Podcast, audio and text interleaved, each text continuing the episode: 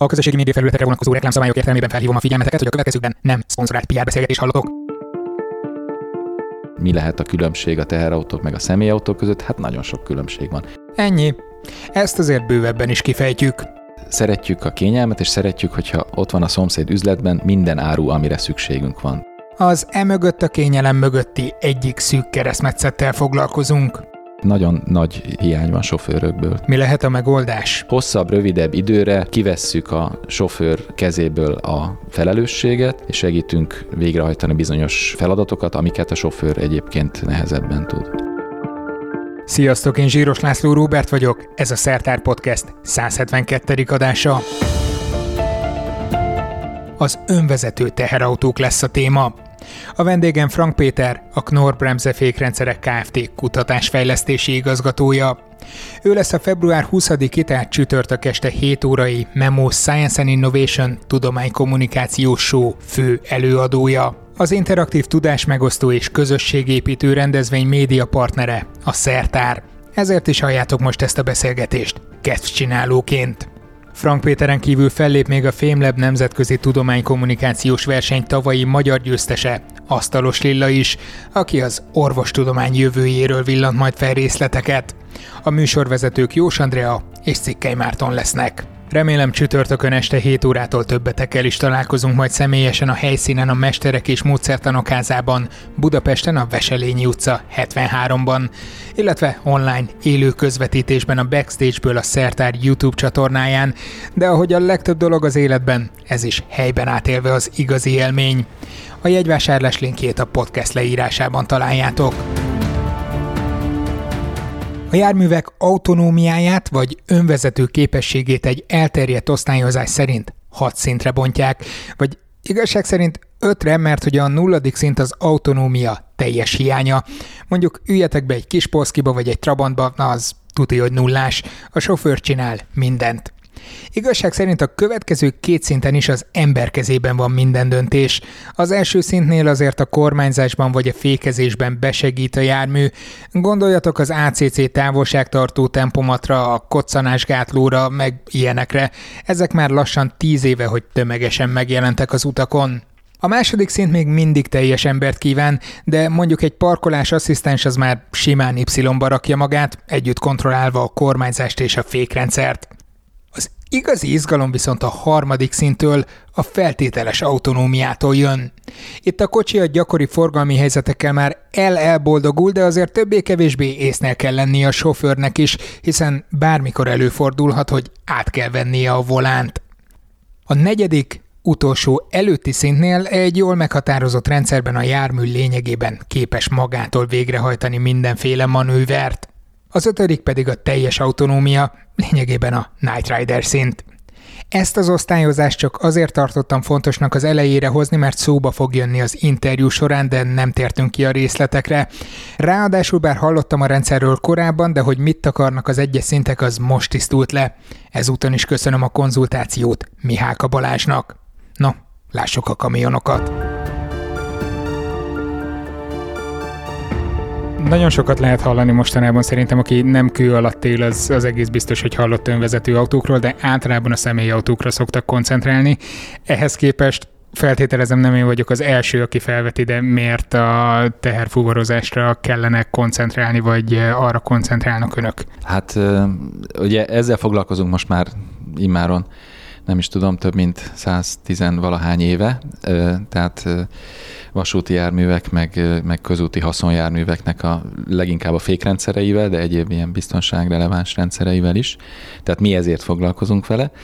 És hogy miért jön szóba az önvezetés, ugye a teherautóknál ez volt a második fele a kérdésnek.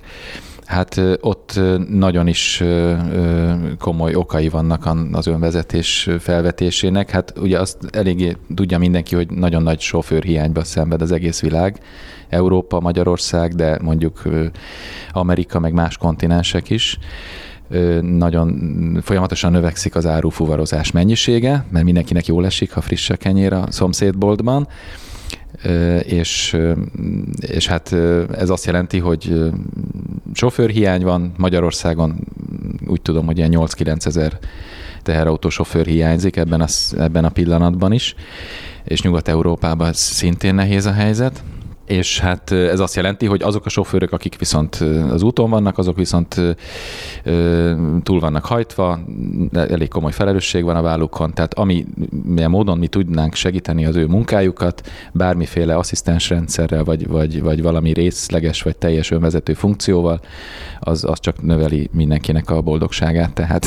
tehát akkor az örök dilemmát, ha előveszük, hogy a gépek veszik el a mun- az emberek munkáját, vagy pedig az emberek vannak egyre kevésbé ezer ezért kellenek a gépek, hogy segítsék, akkor inkább az utóbbiról hát, van szó. Természetesen, tehát, hogy uh, itt, itt, itt szó sincs arról, hogy itt valakinek a munkája elveszne, mert, mert nagyon uh, nagy uh, hiány van sofőrökből, tehát hogyan lehet most segíteni a sofőröknek a munkáját, mert azért teljes önvezető autókról vagy kamionokról még nem beszélhetünk, de mik azok az asszisztens funkciók, amik most segíthetik egy sofőrnek a munkáját? Hát ez egy ilyen, ez az egész asszisztens rendszereknek a fejlődés, ez egy ilyen evolúciós fejlődés.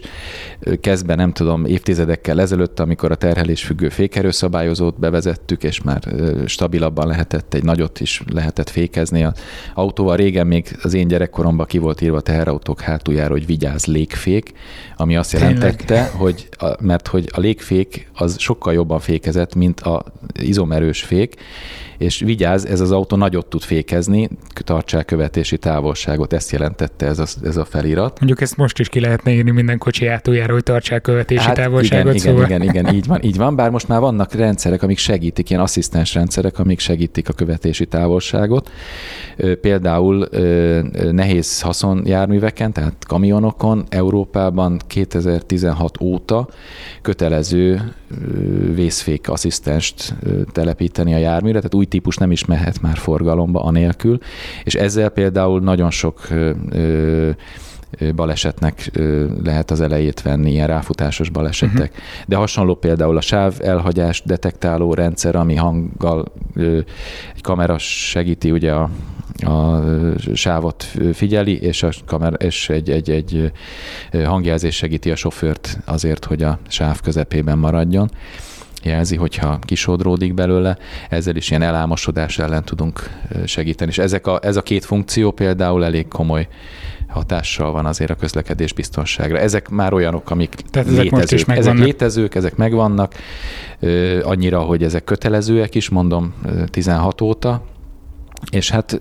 folyamatosan fejlesztjük a funkciókat, aminek majd egyszer a vége az lesz, hogy már sofőrre se lesz szükség. De azért a kettő között van egy hatalmas ugrás, ha jól érzem, tehát az, hogy jelez, hogy vigyázz, haver, elhagyod a sávot, a között, hogy nyugodtan hátradőlhetsz aztán. Hát igen, igen, én ezt inkább nem ugrásnak mondanám, hanem sok kicsi lépcsőfok van közötte ö, ö, tehát mondom, teljesen evolúciósan mennek ezek a fejlesztések. Egy viszonylag köztes, talán egy ilyen nagyobb lépcsőfoknak tekinthető, vagy egy nagyobb ugrásnak tekinthető az a jármű, amit, annak a járműnek a funkciója, amit pár évvel ezelőtt már ilyen demonstrációs módon be is mutattunk, ami önállóan képes telephelyen manőverezni. Ezt úgy hívják, hogy négyes szintű autonomitási funkció. Ez egy hatfokú skála nullától ötig, ez a négyes szint. Tehát lényegében megmondom, hogy ahhoz a kapuhoz kéne beállni, az autó meg önmagától oda megy. Így van, igen, igen, igen, igen, igen. Tehát megérkezik a forgalomból a jármű, amit egy ember vezet, megérkezik a telephely bejáratához, ott kiszáll a sofőr, és onnantól kezdve a jármű elvégzi a dolgát, elmegy parkolni, bedokkol, ahova kell, elvégzik a logisztikai műveletet, és utána visszaérkezik a portához, ahol megvárja a sofőrt. Most azon gondolkodom, hogy mi a nehezebb, vagy mi a nagyobb kihívás egy telephelyen bedokkoltatni a járművet valahova, vagy pedig az autópályán, ahol lényegében semmilyen akadály nem jöhet szemben elvileg, leszámítva az autókat körülötte, ott biztosítani az önvezetést. Nehéz ezeket összehasonlítani, hogy melyik könnyebb, melyik nehezebb. A, az egyiknél talán komplexebbek a helyzetek, a tele telephelyi manőverezésnél, ugye ott, ott ö, ö, bonyolultabb lehet az úthálózat, meg, meg például pontosabban kell ö, manőverezni, tehát egy dokkolás az néhány centiméteres uh-huh. pontosságot igényel, de ugyanakkor az autópályaüzemben például sokkal nagyobbak a sebességek, és ezért a, a mozgási energia is nagyobb, és ennek megfelelően, ö, hogy is mondjam, ott, ott, ott, ott, ott pedig arra a dologra kell vigyázni. Tehát egy kicsit nehéz ezeket összehasonlítani, de ez a két példa, ezek jó példák arra, hogy ezek még mindig viszonylag egyszerű közlekedési helyzetek. Tehát egy autópálya, ugye nincsen szembeirányú forgalom, nincsenek uh-huh. gyalogosok az úton. Tehát egy dugóban arra szolást azért még ne próbáljunk meg egyelőre. Hát attól függ, hol van az a dugó. Hogyha az autópályán van az a dugó, akkor ja, nincs az a városban baj. gondoltam, amikor városi dugó, a, sofőr, a városi helyzet az talán az egyik legkomplexebb. Tehát ott aztán mindenre lehet számítani, össze-vissza megy mindenki az van az egyik, amit még azért nagyon messze van a megvalósítástól. Messze-messze, de folyamatosan hallunk már jó ideje önvezető autókról, hogy majd jönnek, majd jönnek, majd jönnek, már köztünk vannak, valamilyen szinten technológia az lehet hallani különböző, főleg Egyesült Államokbeli városokról, ahol, ha jól emlékszem, busz közlekedésre próbálnak rávezetni, illetve személyautók is közlekednek, vagy legalábbis tesz jelleggel. Mikor a várható Európában, vagy kifejezetten Magyarországon, hogy az utakon sofőr nélküli, vagy sofőrnek csak jelképes szerepet biztosító járművek fognak haladni? Hát dátumokat nem szeretünk mondani, mert persze van egy roadmapünk, de, de az nem publikus, de, de ahogy mondtam, ez nem is ugrás szerint, nem egy ilyen nagy egy lépcsőfokként jelenik mm. meg, hanem így szépen lassan lépésről lépésre bocsátjuk szériába ezeket a funkciókat. Tehát például egy olyan funkció, hogy mondjuk amikor utoléri a autópályán veszteglő kocsisort egy száguldó kamion, mondjuk egy kanyarban, és már a fékezés az fékezéssel ezt a manővert nem lehet megoldani, mert rövid a fékút ahhoz, vagy hosszú a fékút és rövid a távolság ahhoz. Egy ilyen helyzetet például kormányzással lehet megoldani. Uh-huh. Egy ilyen következő funkció lehet az, hogy a, például a sofőr kezdeményezésére a jármű segít egy kormánymozdulatot végrehajtani, amivel rendesen kikerüli a, a dugót mondjuk jobbról mhm. vagy balról. De mondjuk például a döntést még a sofőr hozza meg, hogy jobbra vagy balra kanyarodunk. A, a jármű viszont segít abban, hogy rendesen végre legyen hajtva az a sávváltásos manőver. Ez például egy ilyen következő lépés. Lehet egy későbbi lépés az, hogy már a jármű tudja eldönteni, hogy jobbra kanyarodunk, vagy balra, vagy fékezünk, és ő hozza meg a döntést, és hajtsa végre a manővert, miközben egyébként ez csak egy momentum a teljes vezetési feladatból, és minden mást még a sofőr végez. Tehát hosszabb, rövidebb időre kivesszük a sofőr kezéből a felelősséget, és segítünk végrehajtani bizonyos feladatokat, amiket a sofőr egyébként nehezebben tud. Nem szeretnék nagyon szkeptikusnak tűnni, de ez mennyiben oldja meg mondjuk a sofőr hiány problémáját? Mert hogy ettől függetlenül ott kell ülnie valakinek a vezetőfülkében, tehát számszerűleg nem fog csökkenni mondjuk a sofőrök igény száma. Igen, tehát persze, számszerűen nem, hogyha ott kell ülni a sofőrnek, de például növeli a biztonságot, csökkenti mm. a balesetek számát. Tehát nem mindig ugyanazt tudjuk megoldani. De mondjuk, hogyha a telephelyen tud önállóan manőverezni a, a jármű, akkor az az egy óra, amit a telephelyen a késbepakolással tölt a jármű, az az egy óra, azt felszabadítjuk a, a járművezetőt az alól, a ö, periódus alól. Persze Ma ezekben e- nem gondoltam be, hogy ez bele, hogy ez ilyen nagyságrendű. Hát ennek elég komoly nagyságrendje van. Mondjuk, hogyha egy órával számolunk, az több mint 10 százalék, mert 9 órát vezethet ma egy sofőr a forgalomban, kell is, kell közben pihennie is és hogyha a 9 órából egyet megspórolunk, akkor marad egy óránk, amit például kint a forgalomban tölthet, és akkor egy órányival messzebbre tud jutni aznap a teherautó. Ez már egy explicit hatékonyságnövelés. Ez egész jól hangzik így. Tehát akkor ott van a biztonság, ott van az, hogy a sofőrök válláról le tudjuk venni a terhet. Van uh-huh. más hozadéka? Ö, hát vannak más hozadékai is, tehát például mondjuk egy autópálya funkció, az, az segíthet csökkenteni az üzemanyagfogyasztást. Részben azért, mert ha egy gép vezeti a járművet, akkor, akkor óhatatlanul ö, nyugodtabban ö, vezeti a járművet, tehát ez a gyorsítunk, fékezünk, az nagyon sok energiát fogyaszt, hogyha viszonylag állandóan tudjuk tartani a sebességet, vagy ad abszurdum kihasználjuk a domborzati viszonyokat, és ugye engedjük meg begyorsulni a mhm. völgyben, kicsit engedjük lelassulni a domb tetején. Ez energetikailag egy elég jó megoldás. Illetve, hogyha például, a, a, ha már autópálya funkcióknál tartunk, van egy olyan lehetőség is, amit platuningnak szoktunk nevezni. A platuning az az, amikor több jármű, több teherautó követi egymást úgy, hogy kisebb a követési távolság, mm. mint ami most meg van engedve. A, a mostani követési távolság az úgy van, ami törvényben elő van írva, az úgy van kiszámolva, hogy az átlagos sofőrnek a reakció ideje is bele van számítva, meg a fékút, ah. és így tovább. Na most, hogyha a sofőrnek a reakció idejét az sikerül megsporolnunk, mert mondjuk egy gép az gyorsabban tud reagálni, mert mondjuk olyan kommunikációs rendszert helyezünk el a járművek között, hogyha az első fékez abban a pillanatban kezdődjön a fékezése a második, harmadik járműnek is, és nem pedig akkor, amikor kigyullad a féklámpa, és észrevesszük, és reakcióidőnk letelik, és akkor megnyomjuk a féket, ami körülbelül ilyen fél és egy másodperc között van ez a késedelem ma, ami nagyon sok egyébként ugye nagy sebességnél, útban mérve sok. Nos, hogyha ezt ki tudjuk venni, akkor tudjuk csökkenteni a követési távolságot, ha pedig tudjuk köve- csökkenteni a követési távolságot, akkor például ö, a másik jármű szélárnyékába tud haladni a, a, a, a követőjármű, és akkor tudjuk csökkenteni például az üzemanyagfogyasztást.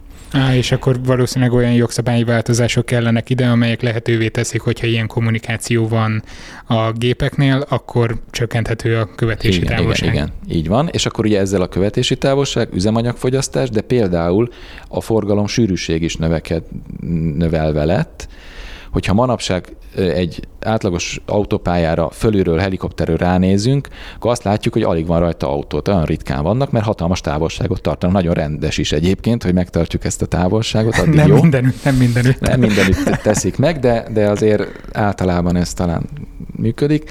A lényeg az az, hogy a napnál is világosabb, hogy hát ott még rengeteg hely van az utakon. Igen, viszont nemrég néztem egy statisztikát, Egyesült Államokbeli viszonyokra vonatkoztatták, hogy valahogy megbecsülték, hogyha nem tudom milyen időtávon belül, de sokkal több önvezető autó lesz, ami lehetővé fogja tenni, hogy hatékonyabban tudjuk kihasználni az utakat, attól csak sok, attól csak valami minimális mértékben fog csökkenni a dugóknak a száma, tekintve, hogy annyival több autó is lesz. Tehát, hogy Persze, tehát összességében... Nyilván rosszabbul járnánk, hogyha nem lennének ilyen funkciók, de... Világos, tehát... Nem világos, leszünk kint a vízből.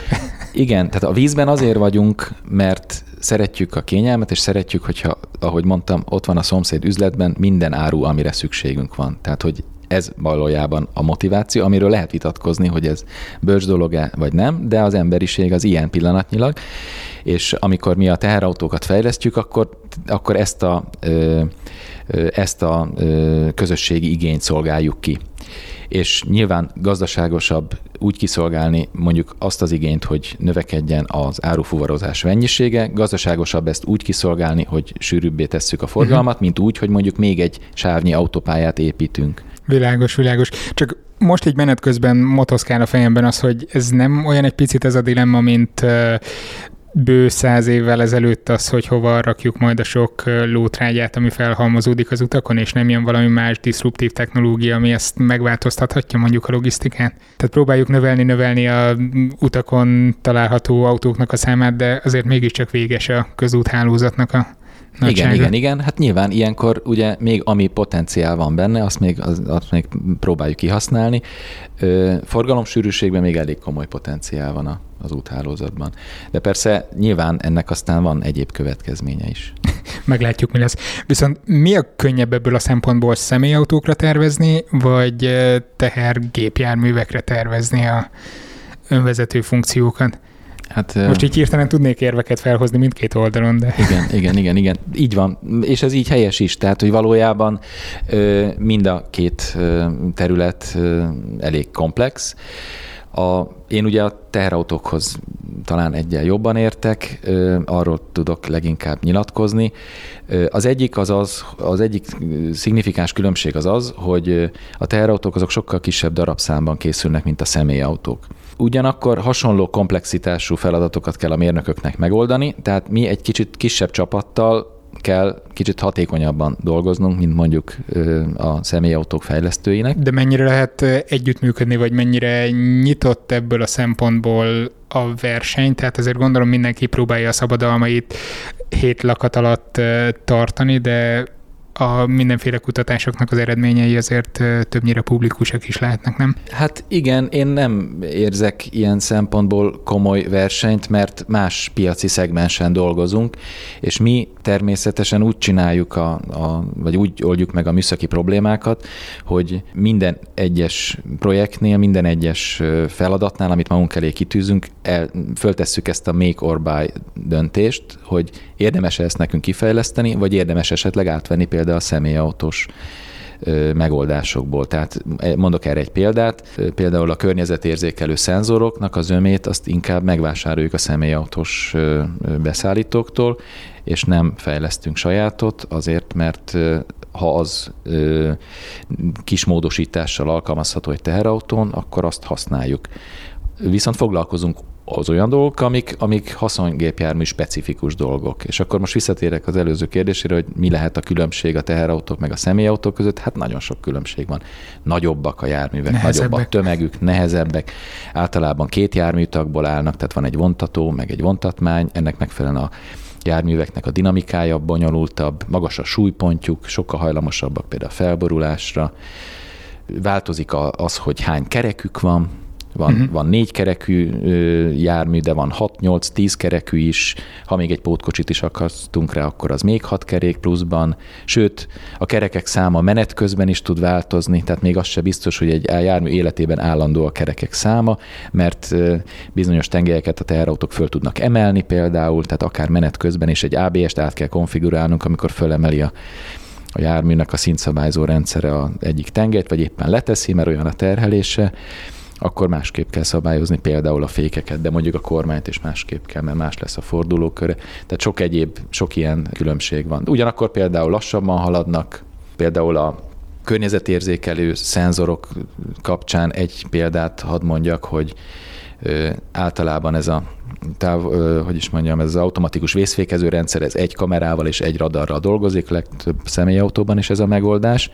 Csak hogy a teherautón a radar hasonló, mint a személyautókon viszonylag alul helyezkedik el, hogy ugye vízszintesen lássa az előtte levő járművet, a, a kamerát pedig a szélvédő mögé szoktuk tenni, de ugyanakkor egy teherautónak kicsit más a felépítése, mint egy személyautónak, ott a kabin és a járműnek az alváza az két külön egység, és elég lágy a felfüggesztése a kabinnak.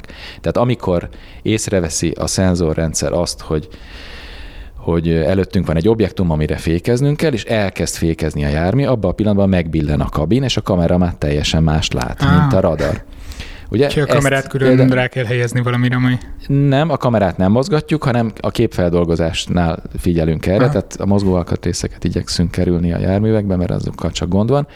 De ez egy olyan típusú probléma, hogy a két szenzornak a, a látótere az néha eltér egymástól, különböző ilyen manőverek esetén, ami, ami egy tipikusan haszonjármű specifikus probléma. Ezzel érdemes foglalkozni. És ezzel foglalkoznak itt például Budapesten, ahol felvetődik a kérdés, hogy miért pont itt?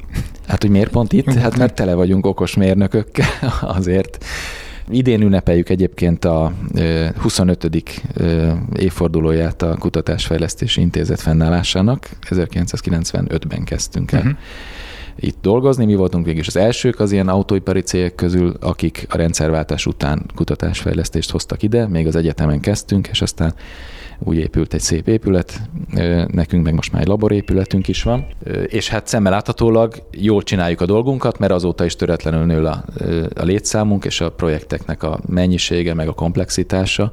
Most körülbelül 400 mérnökünk van, meg még jó sok egyetemi hallgató Én is. ezt akartam kérdezni, hogy azt mondta, hogy az egyetemről indult még annak idején, de akkor az egyetemmel a mai napig vannak kapcsolatok, gondolom igen, a igen, több, egyet, szó. több egyetemmel is, tehát a, a BME az egyik, ők a, talán az egyik legfőbb partnerünk, de például szoros kapcsolatban vagyunk a Kecskeméti Najman János Egyetemmel, mi voltunk az elsők az országban például, akik duális képzést indítottunk Kecskeméten, uh-huh. közösen a Mercedes, a Knorr és a és a GANF, tehát az ottani akkor főiskola volt, az a duális képzés azóta is működik, azóta egyébként összesen négy duális képzésünk van, tehát itt Budapesten is van most már Ezek még három. népszerűek kezdenek most lenni. Most a edukáción voltam januárban, és nagyon sok diák keresi ezeket a lehetőségeket. Így van, így van, így van. Egyébként Egy éve indítottuk el a, indítottunk el közön, közösen a Műegyetemmel és a LT-vel egy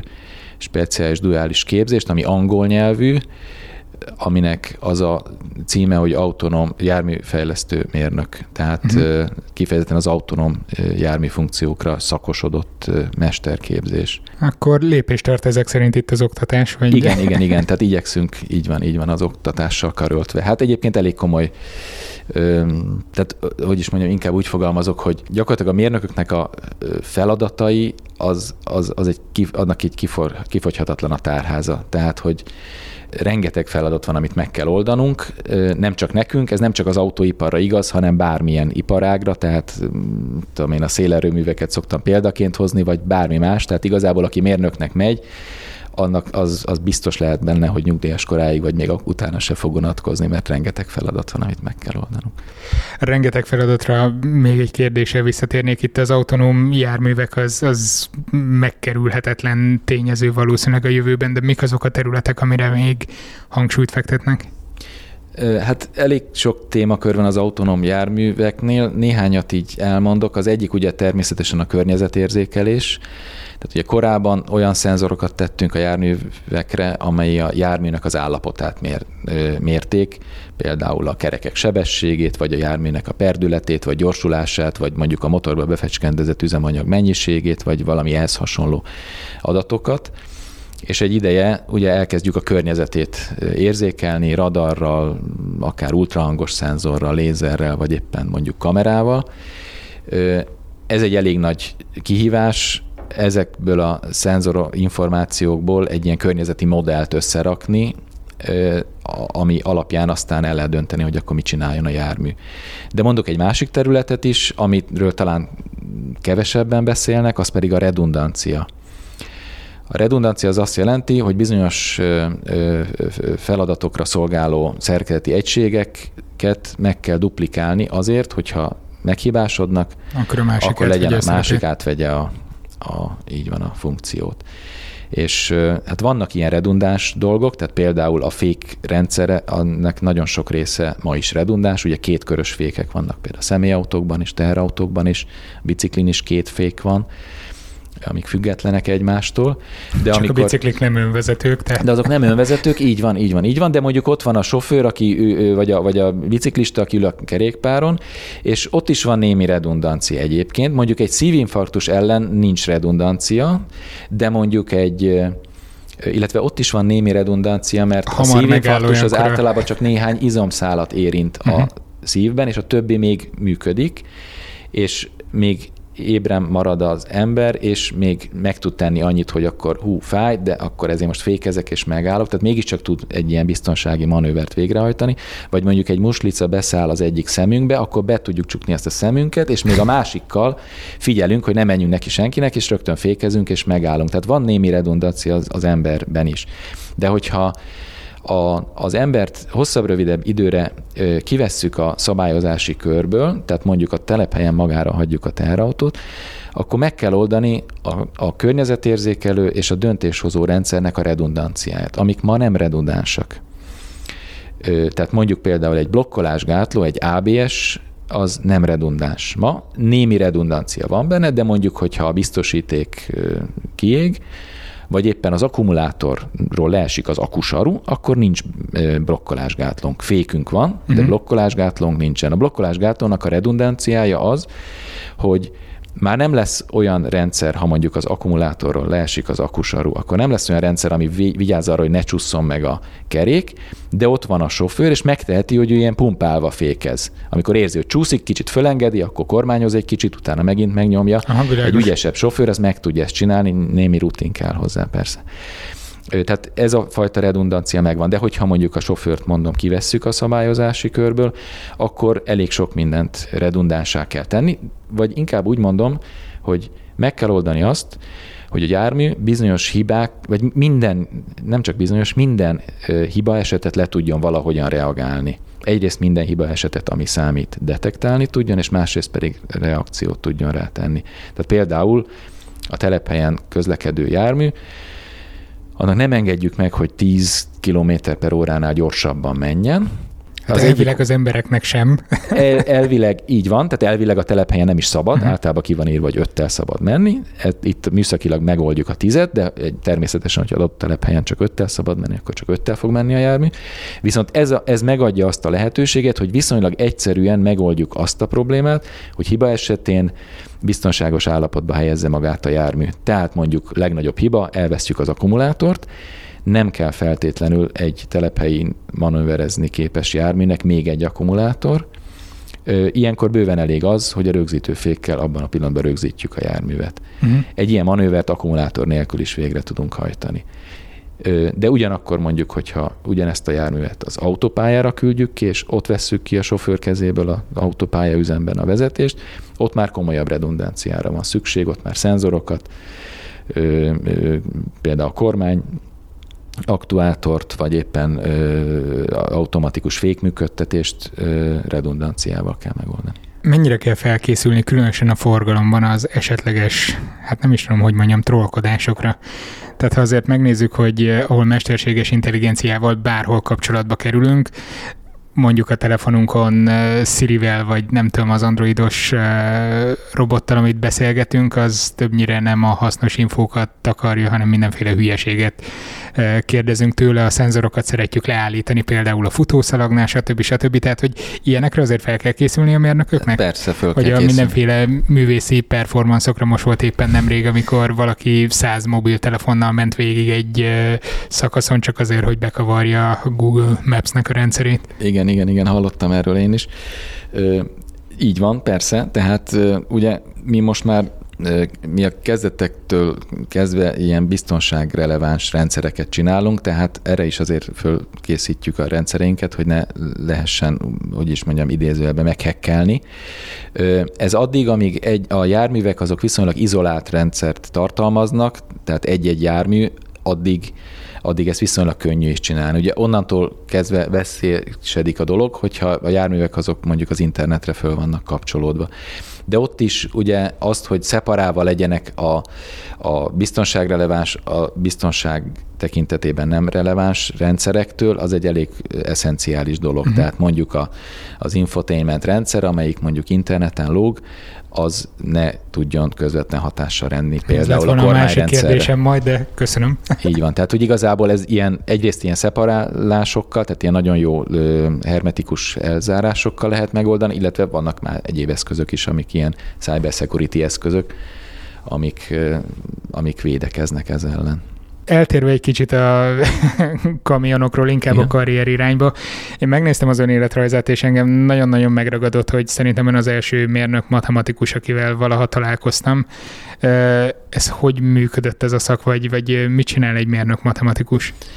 Ö, igen, egész pontosan matematikus mérnöknek nevezték ezt a szakot, ah, aminek bocsánat. én az egyik utolsó évfolyamában Mérnök jártam. fizikusokról hallottam, igen, és igen, ezt igen. nagyjából meg tudom közelíteni. A matek sokkal elméletibbnek tűnik igen, ebből igen, a szempontból. Igen. Így van, tehát ez egy nagyon, nagyon szerettem ezt a, ezt a szakot ez a műegyetemen a gépészmérnöki karnak egy kicsit ilyen, hát ilyen, kicsit ilyen elitképzése, úgy lehet mondani. Ennek volt egy elődje, amit úgy neveztek, hogy táltos képzés, még, még jóval, jóval korábban, és aztán később matematikus mérnök lett belőle, és utána néhány évfolyammal aztán ez megállt, és, és most egyébként vannak kezdeményezések, hogy újrainduljon ez a, ez a képzés. Ez egy olyan fajta képzés, mondom a gépészmérnök kikaron belül, ami viszonylag nagy hangsúlyt fektet az elméleti alapokra, matematikára, illetve a fizikai, ugye gimnáziumban fizikának hívtuk ezeket a tudományokat, de mondjuk mechanika, áramlástan, uh-huh. hőtan. Talán ez a három terület, mechanika, áramlástan, hőtan, amik, amik a mérnöki képzésben elég komoly elméleti háttér, hátteret igényelnek. Tehát matematika, mechanika, áramlástan, hőtan, ez a négy tárgy, ezekre volt, ezekre fókuszáltunk, és ezeknek is, különösen a matematikának a kifejezetten a mérnöki tevékenységben alkalmazható részei. Tehát kevesebbet foglalkoztunk számelmélettel, de többet foglalkoztunk differenciál egyenletekkel. Mert a differenciál egyenletek azok a fizikai világ leírására szolgáló, szolgáló megoldások. Tehát ez egy ilyen jellegű képzés volt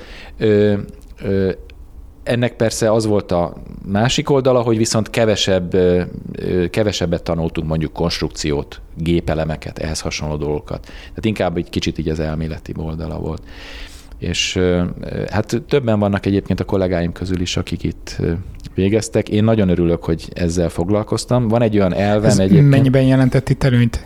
Hát elég sok előnyt jelentett, mert mert egy olyan matematikai apparátus tudtam magammal hozni, amit utána itt tudtam alkalmazni. Tehát például, a, a, például elég sok szimulációt csináltam én még kezdőmérnök koromban, például a szelepekben áramlástani szimulációkat, hogy a szelepnek a tányérja az hogy mozog, amikor kinyílik, hogy rezeg, hogy Aha. csapódik le, hogy csukódik le, ehhez hasonló dolgokkal, de, de járműdinamikai szimulációkban is például elég jól használható ez a, ez a tudás, és hát sok egyébben, tehát nagyon sok terület volt, ahol ezeket lehetett használni, és igazából ma is nagyon szeretjük az ilyen az, az ilyen tudással felszerelkezett mérnököket. Ügyesen vagy inkább ügyetlenül önbe folytattam a szót, hogy milyen elvről van szó? Igen, igen, igen. Tehát kicsit nekem van egy ilyen elméletem erről, hogy amit hangoztatok is, hogy a, az egyetem és az iparvállalatok között a munkamegosztásnak hogy kell lennie, és az a véleményem, hogy a, az egyetemnek egy nagyon erős alapozó tudást kell adni, az alapozó ö, ismeretekből. Az egyetemen olyan dolgokat kell tanulni, amik nem annyira iparák specifikusak, hanem kicsit ilyen örökérvényű tudások. Uh-huh. Tehát ezek a fizikai területek, meg éppen a matematika, ezek olyanok, hogyha most megtanuljuk, akkor az 20 év múlva, 30 év múlva is érvényes lesz. Úgyhogy az egyetemi hallgatóknak mindig ezt szoktam mondani, hogy erre koncentráljanak, meg a nyelvekre, olyan dolgokra koncentráljanak, amik hosszú távon alkalmazható tudások. Amire lehet építeni. Amire lehet hosszú távon építeni, hmm. így van. Mert mondjuk egy programozási nyelv az is fontos, mert az egy eszköz, amivel mondjuk egy szoftvert meg tudunk csinálni, de a programozási nyelvek azok időről időre változnak, egyre korszerűbb nyelvek jönnek, amit ma megtanulunk, az lehet, hogy öt év múlva már nem lesz korszerű. De hogyha megtanuljuk mondjuk a, a bizonyos numerikus módszereket a matematikában, az később is használható lesz. Tehát érdemes abban a, azon a 20 éves korosztálynak arra a tudásra koncentrálnia, amit utána még nyugdíjas korában is használni fog. És a iparspecifikus, alkalmazás specifikus ismereteket, azokat pedig lehet később tanulni, azokat rá lehet bízni akár a cégekre is. Tehát nem érdemes fékrendszerektől tanulni az egyetemen, azt meg lehet tanulni a Knorr-Bremsénél. Az egyetemen a matematikai hátteret érdemes megtanulni, meg a fizikai hátteret, az elemi dolgokat. Frank Péternek köszönöm a beszélgetést, mindannyiótoknak a figyelmet, azoknak pedig, akik a Patreonon jelképesen előfizetnek a szertárra, az anyagi hozzájárulást is. Egyébként a támogatók között a héten kisorsoltam egy páros jegyet a Memo csütörtöki Science and Innovation tudománykommunikáció sójára. Néha vannak ilyen apróságok is a patrónusoknak. Patreon.com per szertár. Nélkületek nem mehetnének ezek az adások. Köszönöm. Ha még nem tettétek, iratkozzatok fel a Szertár Podcastre Soundcloudon, iTunes-on, Spotify-on, vagy azon a podcast alkalmazáson, amit egyébként is szerettek használni. Ne felejtsétek az adásokat értékelni, megosztani, bekövetni YouTube-on, Instagramon és Facebookon is, hogy minél több emberhez eljussanak. Jövő héten vagy a viharvadászokkal jövünk vissza, ez a beszélgetés már fel van véve, vagy egy elég megosztó társadalomtudományi témával, de mivel mostanában nincs annyira a politikai keresztűzben, talán a mindenféle előjelű szólamoktól mentesen tárgyilagosabban tudunk beszélgetni róla. Talán sokan kitaláltátok, hogy miről van szó, de ha nem, akkor legyen meglepetés. Legyen szép hetetek, sziasztok!